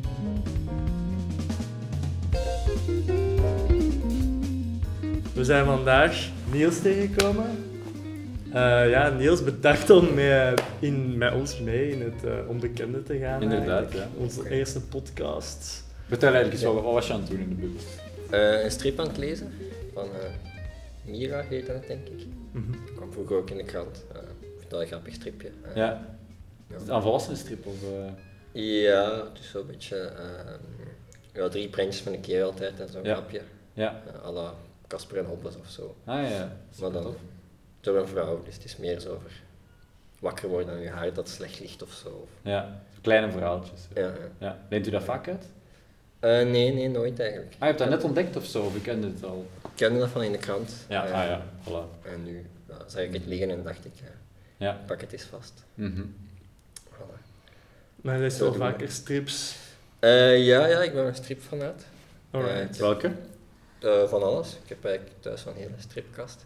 Ah, ik ook. Ja. Ja, de klassiekers, zo, Torgal, eh blijf ik heel goed vinden. Eh, maar de laatste tijd meer zo graphic novels. Mhm. Ja. Eh, veel in het Engels ook. Mhm. Eh, Zwart-wit. Eh, bijvoorbeeld Blanket. Of, of, ik ben de naam van die auteur niet vergeten. eh, maar die vind ik heel goed. Ehm Habibi heeft dat ook geschreven. Tom Thompson heet dat denk ik. Thompson, maybe. Ik weet het niet. Weet jij het, Victor? Nee. Maar ik ken superveel van strips, maar van Vlaamse strips. Allee, Belgische strip. Internationaal weet ik niet zo heel. We hebben een degelijke collectie hè, van graphic novels in het Engels hier in Leuven. Eh, de bibliotheek heeft een heel goede collectie. Ehm, van boeken, maar ook van strips en heel veel nieuwe dingen. Ehm dus eigenlijk vaak dat ik eerst iets in de bib lees en het dan eigenlijk ga kopen omdat ik het zo goed vind. Hmm. Eh, Ja. Dus ja, de collectie is eigenlijk wel heel uitgebreid. Ehm, vind het wel vrij geslaagd nu ook, de- tijdens de verbouwing, ik vind het wel gezellig. Ja, De Eh, binnenbiep, bedoelt je? Ja, Ja, dat is wel tof, hè? In het auditorium. ja ik Ja. zat daar net in het auditorium, daar staan Ja. de strips nu. Hè. Dat is wel een gezellige plek nu om... eh, ja, ik vind heel de bib wel, wel gezellig eigenlijk. Misschien moeten ze het zo laten. Ja, Misschien beter niet. ja, het is een beetje druk anders, hè, maar Ja. nog even. Mhm. Alright, en zet je eigenlijk van Leuven? Ik ben van Leuven, ja. Ehm, eh, ik heb hier gestudeerd ook. Mijn ouders, eh, mijn pa is van Limburg, mijn ma is van, eh ah, van Aalsterse. Mhm. Ehm, ja, ik ben eigenlijk opgegroeid in Leuven. Ehm, ik heb een paar jaar in het buitenland gezeten ook. Ehm, maar nu terug in Leuven. Ehm, Mhm. En wat heb je gestudeerd, als ik vraag eh, tropische landbouw. Tropische landbouw. Oh, is dat een richting aan de KU Leuven? Of, eh, Is dat Ja, een ja. master of zo? Bio-ingenieur. Ah. Ja. Dat is een, een master, ja. Ja. mhm. Tropical Agricultural Research Management and Politics. En is daarvoor dat je dan ook even in het buitenland hebt eh, gewoond? Ehm, ja, dat was wel mijn idee als ik tropische landbouw ging studeren. Om, Mhm. Dat is niet iets dat je kunt doen in België. Tropische Nee, landbouw. inderdaad, landbouw. wel, Maar Misschien in een CERN of zo, maar voor de Ja. rest... Ehm, nee, dus ik had dat idee wel van Aha. naar de tropen te gaan. En zodoende heb ik dan eigenlijk vier jaar in eh, Maleisië eh, gewerkt. Maleisië, wauw. Calabout. Cool. Ehm, ja, dat was heel tof, op mijn cacao-plantage. Ehm, maar na vier jaar was het ook wel weer goed geweest en eh, ik was ook wel content om, om terug te komen. Ja. Ehm, dat is een zaak eigenlijk in de bibliotheek of zoiets dat je hier eigenlijk heel vanzelfsprekend vindt. Ehm, maar dan gelijk Maleisië is, helemaal, is dat er gewoon niet. Ehm, Mhm. dus moet je een boek altijd kopen, wat ook oké is, maar dan is het aanbod natuurlijk wel veel. Maar ze hebben dat er echt gewoon niet, echt, de bibliotheek. Ja, niet van de schaal als, als hier, Ja. eh, of toch niet waar ik woon. eh. Mhm. Er was wel een bibliotheekje, maar ja, daar waren alleen Maleisische boeken. Dus ja, Ik heb oké. wel daar gezien zo over het oosten. We hebben hier wel zo een paar manga's. Was dat daar meer populair? Eh, ja, ik heb daar wel ooit eens een stripwinkel ontdekt, ook in een stadje. En met allemaal ja, Chinese, manga's, maar dan in Chinees. Mhm. Ah, oké. Ehm, maar ja, daar was ik dus ook niet zoveel mee, maar Aha. dat, dat bestond daar inderdaad ook wel. Lees je dat ook, zo manga's? Eh, ja, ja, ook. Right. Sindsdien dan? Of, of vond je dat daarvoor al eh, interessant? Nee, daarvoor ook al. Ehm, Ja. Akira of zo vind ik heel leuk. Eh, die hebben ze hier ook leren. Ja? Mhm. Ehm, of Monster, dat is zo'n serie die wel, eh, wel tof is. Ehm, ja, dus manga's vind ik ook. Wel het leuke aan strips, vind ik eigenlijk, dat dat iets heel... En dat bestaat eigenlijk in alle culturen, in de States, Mhm. Europa en, en Japan. En ja, je hebt daar wel zo verschillen in. Zo. Manga's zijn vaak maar zo ethische vraagstukken en zo. Mhm. Ja, meer daarop gericht. Mhm. En dan Amerika heb je meer zo de comics, daar Ja. ben ik dan niet zo voor. Maar dan graphic novels, ehm, meer serieuze, echt diepgaande verhalen. En dan Europa zo klassieke strip, Asterix en Obelix, Wiske. eh. Maar ik vind dat wel leuk dat dat zo... Ja, het inderdaad. hetzelfde medium Ja, tegelijk- ja, ja. Ja, waar komt dat vandaan, denk je, dat cultureel verschil? Hoe dat, hoe dat de strip gebruikt wordt, of de thematiek? Mm, ja, dat, ja, dat is gewoon cultuur, denk ik. Hè. Mhm. Ehm, dat is in het oosten misschien meer... Ja, filosofisch. Ja, Om even de clichés boven te halen. Ja, Ja, ja, ja, voilà, ja, Want er zijn wel echt duidelijk groot verschil tussen de Amerikaanse, de Europese en... eh, Ja. ik weet er niet zoveel van, maar als ik denk aan Amerikaanse strips, denk ik zo aan Marvel en Ja, DC. superhelden. ja. Ja. dat is gigantisch Ja. daar. Hè. Dat heeft ook wel ergens diepgaande thematiek, maar dan moet je denk ik wel meer zoeken. Meer de alternatieve, eh, onbekendere strips, eh, gelijk die graphic novels. Ja. Ja, inderdaad. Maar ik denk, zo'n superhelden, dat is zo'n beetje ontstaan in de wereldoorlog, denk ik. Hè? Superman. Ja, voilà. Zo Ja, mensen hoop te geven. En ja zo Superman ja. en Captain Ja. America en zo was ook eigenlijk gewoon een soldaat in de Tweede Wereldoorlog. Ja, die dan Dus dat komt daarvan, ja. Ja. Ja, is een eentje ging verslaan. ja voilà, inderdaad. Ja.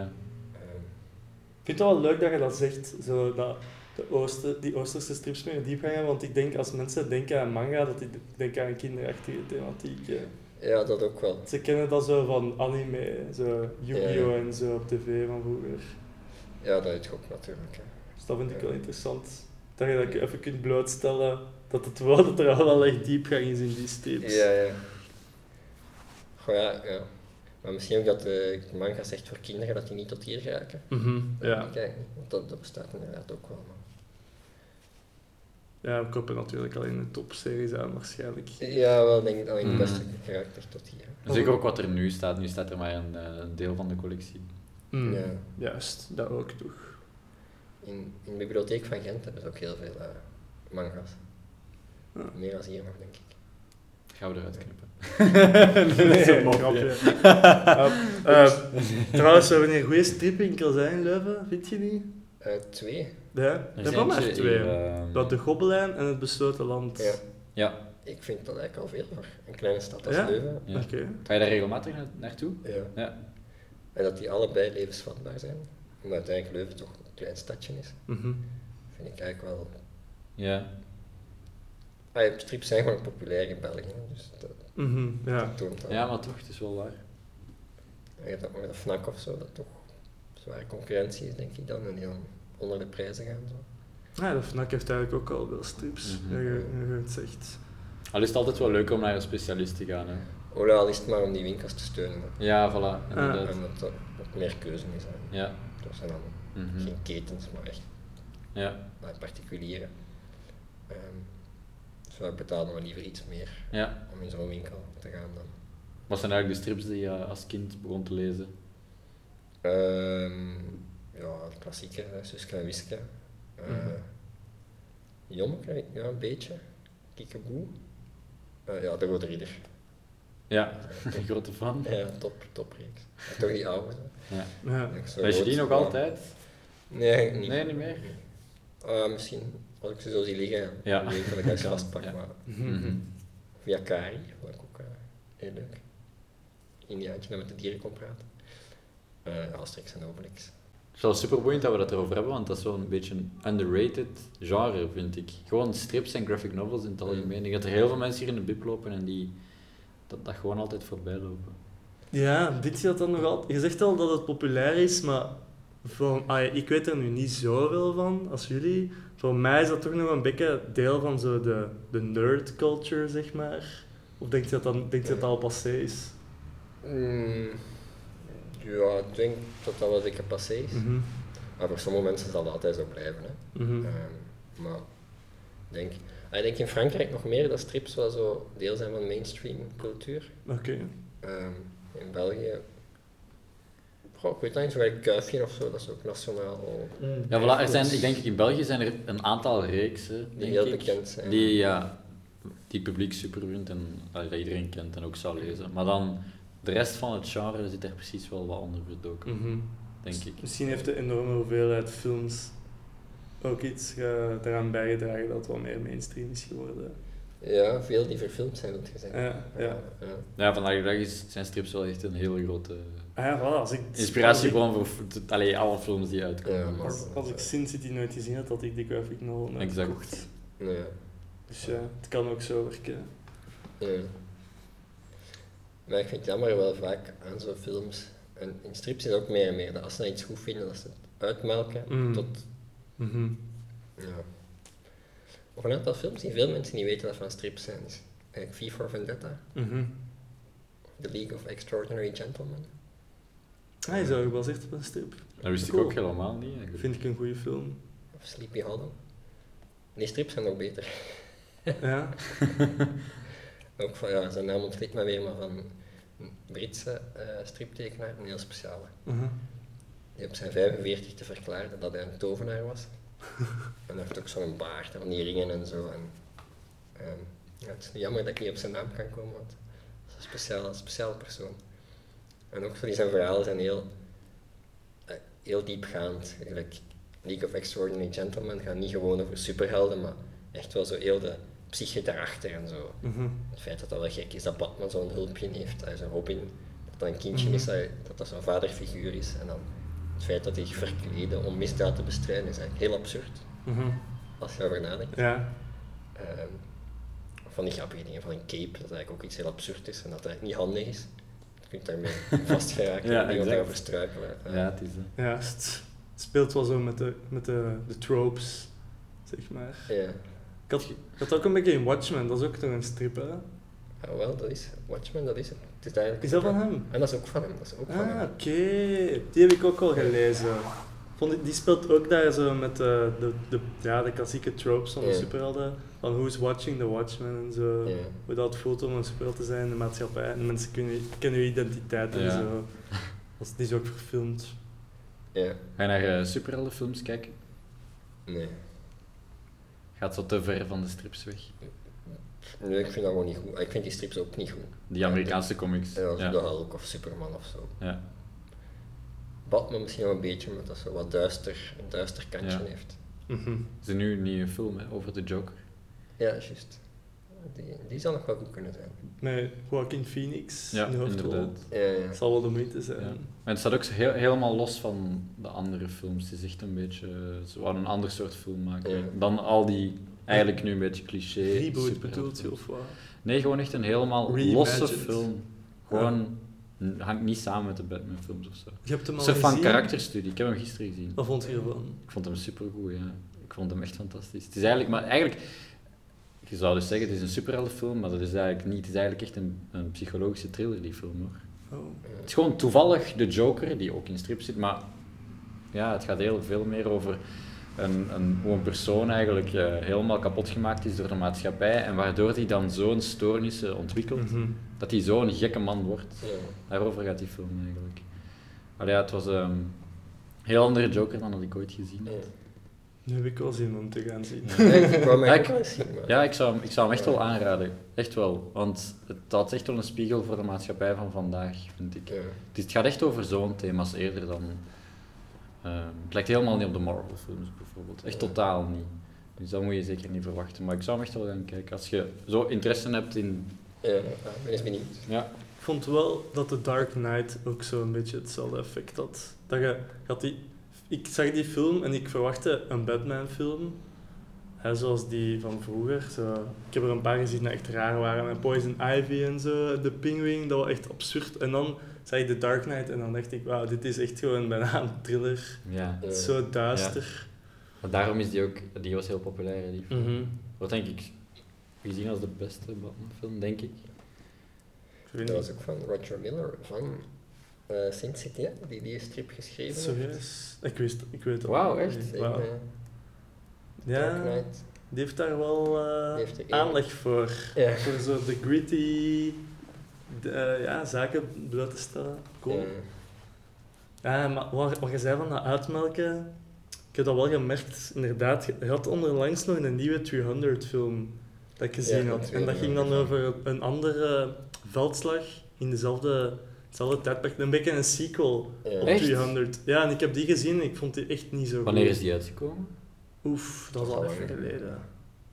Ja, dat ging over de slag bij Salamis of zo. dan. Ik heb goh, vijf jaar geleden of zo een 300-film gezien. Oh, nu is al veel ouder, hè. Ja, de, de eerste is redelijk oud. Ik ga het er iets eens opzoeken. Ik weet niet of het de eerste is die ik gezien heb, maar. Dat is ook van hem, hè, van Ikea van Sin City. Maar dat, dat, was, dat is niet gebaseerd op een strip, toch, die tweede film? Of wel? Die tweede, dat weet ik niet. Ik denk dat die... De eerste wel. Not sure. Ik ga eens kijken. Ehm,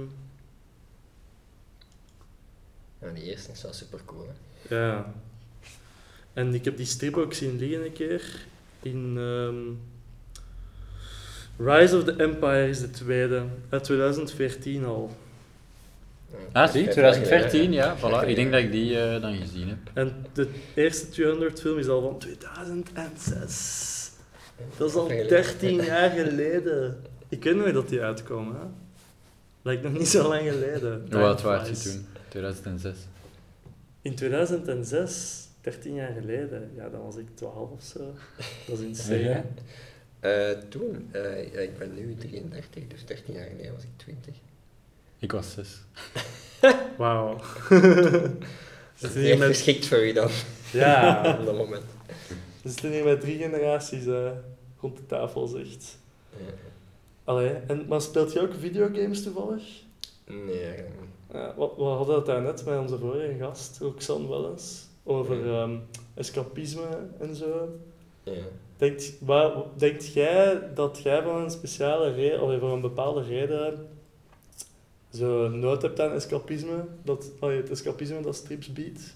Ja, heb je het gevoel dat je door strips te lezen een beetje in je eigen wereld terecht kan en dat je, als je daar nood aan hebt, even weg kunt van de echte wereld door strips Ja, te lezen? echt op een, echt zo op een therapeutisch niveau, van dat doet goed om Ja. eens te doen aan escapisme. Eh, ja.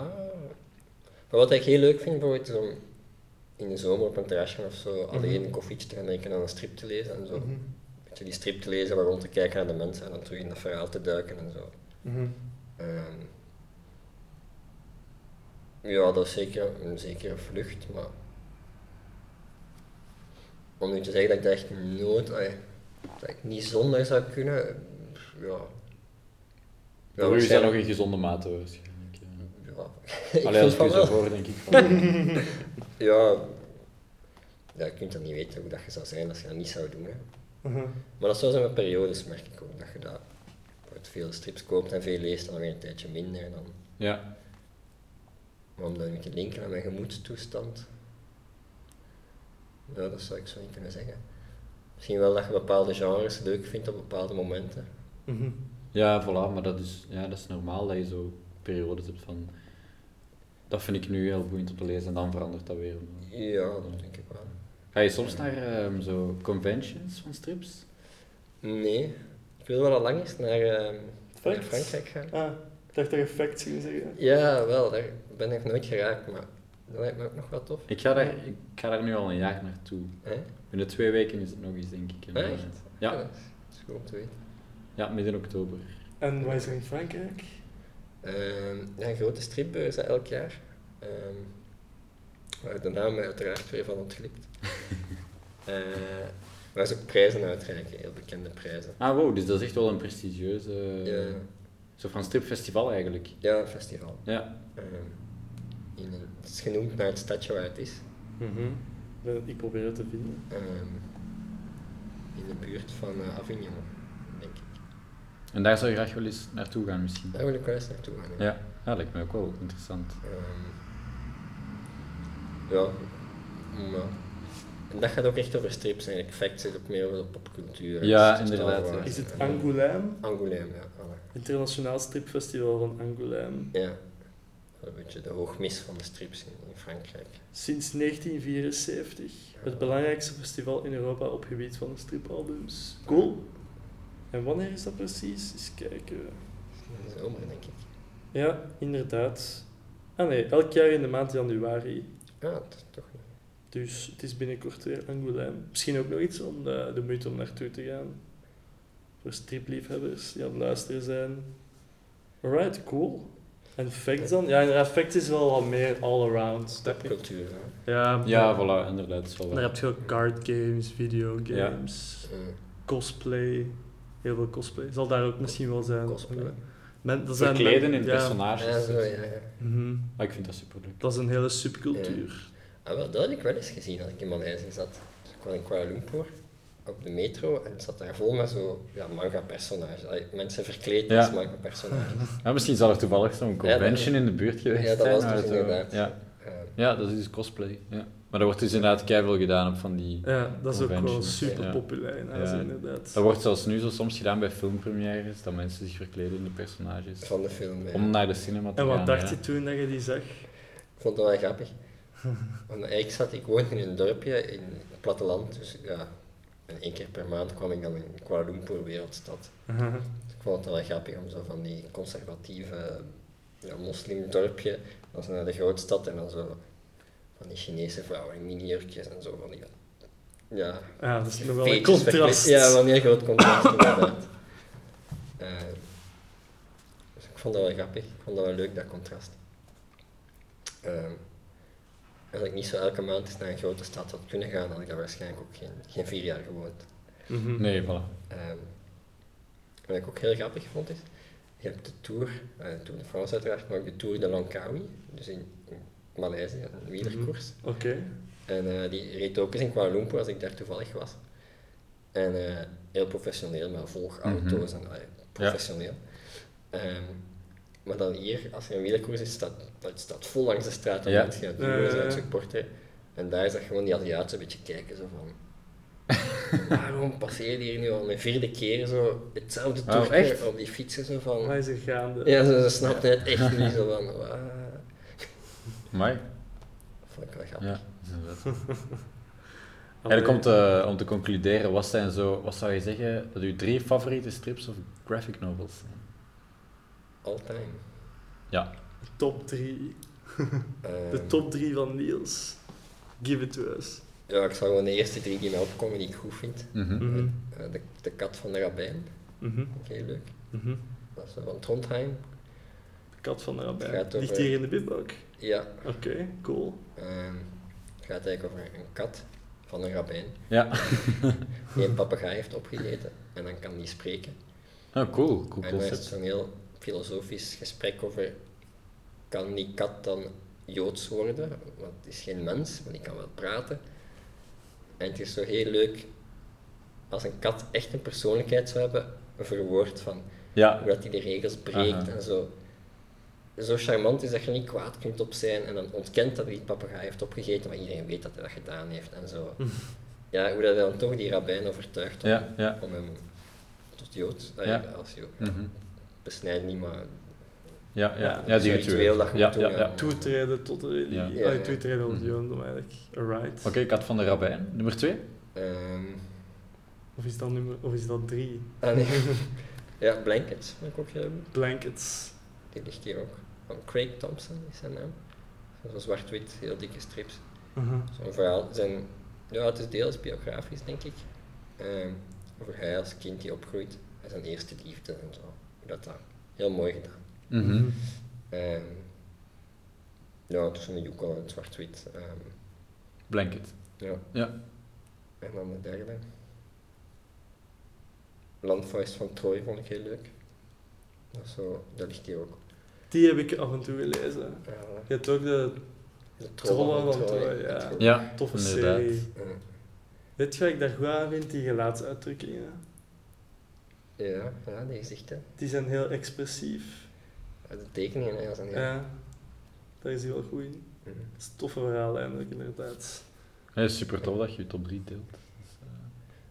Als ik er nog eentje mag zeggen die ook heel goed is. Doe maar. Tuurlijk. Eh, Black Side, of je dat kent. Ik ken het niet. Een detectieve. En het zijn antropomorfisch, dus alle personages zijn dieren. Hij is een kat. Maar dan maakt ook dat heel expressief. Kijk, een haan of zo, een personage dat dan heel... Als een politieker die dan een Ah, haan dragen die ook kleren toevallig? Ja, ja. En zo wat... Allee, van twee eeuwen geleden zo... Is dat niet? Nee, het is Is het, is in het de jaren 40 zo, Ah, denk oké, ik. ja. Ik denk dat ik daar al eens op zie liggen. Dat is een cool concept. En ook heel mooie tekenen. Ehm, Oké, dus wat was de naam? Black Side. Black Side. Aanrader. Ja, is heel goed. Dat is kijk We hebben hier heel, eh, heel toffe tips gekregen Ja, voor, eh, strips. voor beginnende strips en graphic novel lezers. Dat is kei boeiend. Ja, interessant gesprek ook over de hele cultuur rond. Niels, merci om met ons te delen. Ja, inderdaad. Echt merci. Graag gedaan. Maar dan gaan we je terug laten gaan eh, om naar de strips te gaan waar dat we je opgepikt hebben. Voilà, de eerste aflevering van Buiten het Boekje zit er al op. Volgende keer praten we met befaamd cartoonist Kim Duchateau, de maker van de door u gekende cartoons in kranten als De Standaard en De Morgen, en introduceren we een nieuw segment waarin we letterlijk buiten het boekje gaan. Tot volgende keer!